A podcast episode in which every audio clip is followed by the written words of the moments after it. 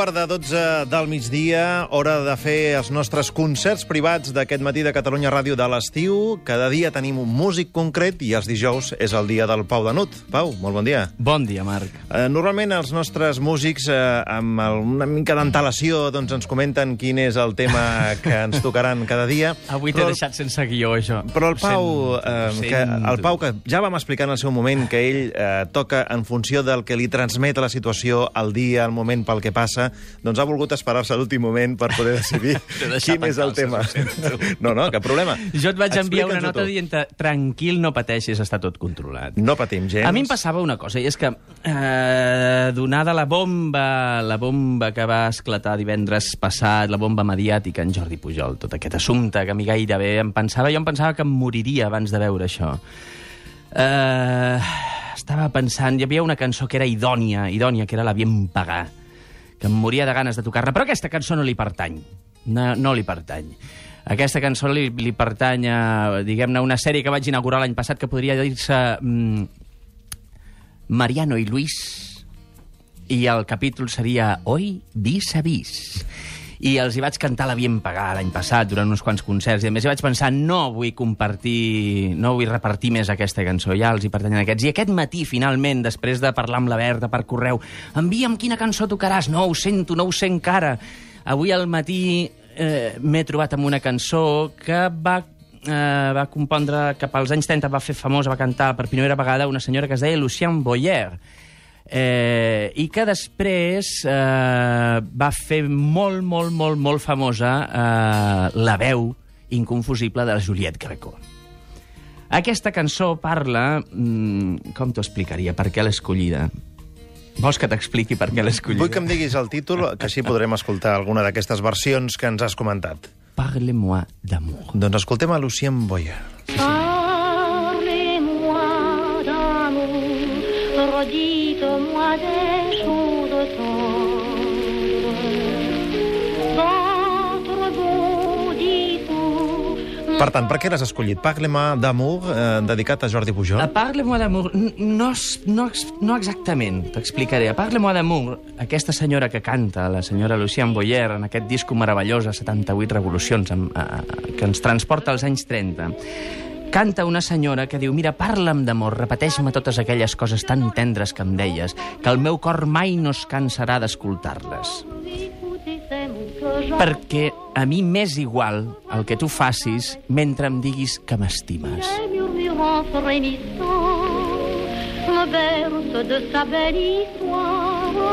crec que descriu, descriu bastant bé una situació que hem viscut durant molts anys a Catalunya. A Catalunya, a part de fama de moltes coses estupendes, hem d'admetre que tenim fama de molt, molt pagats de nosaltres mateixos. Aquí fem les millors botifarres, som els més treballadors, som meravellosos, tenim la millor llengua, totes aquestes mandangues que a mi em sembla estupendo, però em fa sospitar. A mi quan una persona comença a dir-me que tot el que faig és una meravella, que això és meravellós, això és estupendo, que això ens farà arribar molt lluny, que la feina ben feta no té fronteres i totes aquestes coses, a mi em fa sospitar. Mentre em regalen l'orella, com deia aquell, adiós rogando y con el mazo dando. La vie est parfois trop amère si l'on ne croit pas aux chimères. Le chagrin des vies apaisées.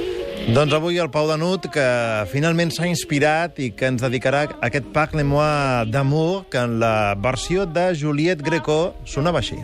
Parlez-moi d'amour, redites-moi des choses tendres. Votre beau discours, mon cœur n'est pas là de l'entendre. Per tant, Pau, ara que ja estàs inspirat, És increïble les bogeries i les tonteries que arribem a deixar-nos fer quan hi ha algú que ens regala l'orella.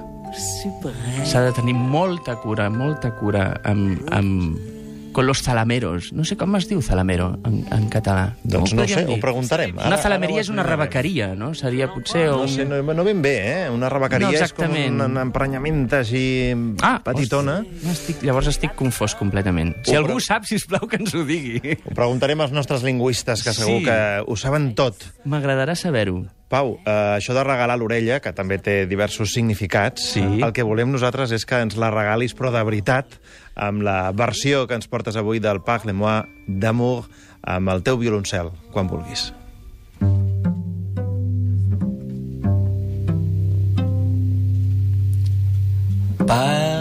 Parle-moi d'amour, redites-moi de choses tendres. Votre beau discours, mon cœur n'est pas là de l'attendre.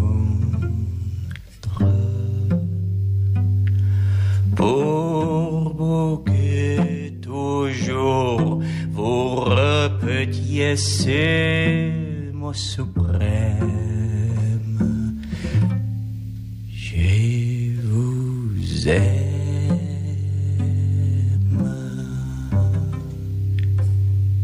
Vous savez bien que dans les fonds, je ne crois rien, mais cependant, je vous encore. Écoute ces mots que j'adore. Son caressant, qui les murmure en frémissant, m'aberce de sa belle histoire. Et malgré moi, je veux y croire.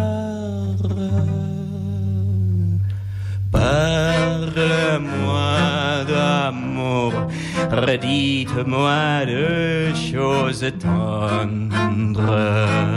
Votre beau discours, mon cœur n'est pas là de l'attendre.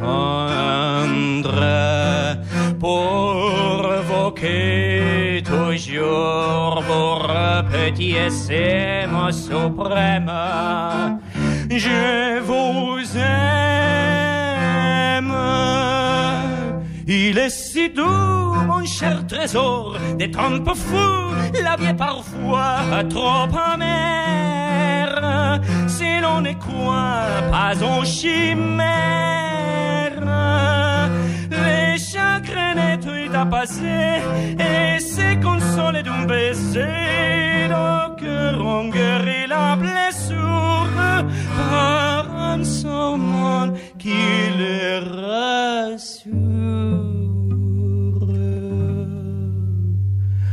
Parlez-moi d'amour, redites-moi de choses tendres.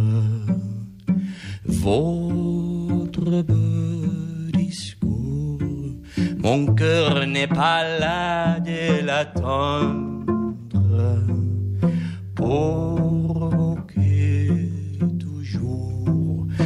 répétiez ces mots suprêmes. Je vous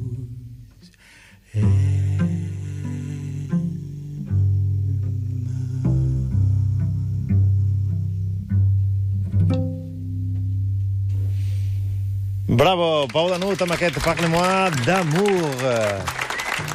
Això de les talameries i els talameros... Sí, t'ho han xivat ja. Ja m'ho han xivat. Sisplau. Eh, un talamero és un afalagador Un afalagador. i una Sí. talameria, una adulació, un Sí. encant, una gràcia, una seducció o una trampera. Trampera m'agrada molt més. ja ho sabia que home, t'agradaria, un trampador, aquesta. Un falamero és un, És un trampador. Un trampallaire. doncs esperem que dijous vinent tornis igual de trampador com avui. Pau, Sí, esperem que sigui per un millor motiu. segur que sí. Fins la setmana vinent. Fins la setmana vinent.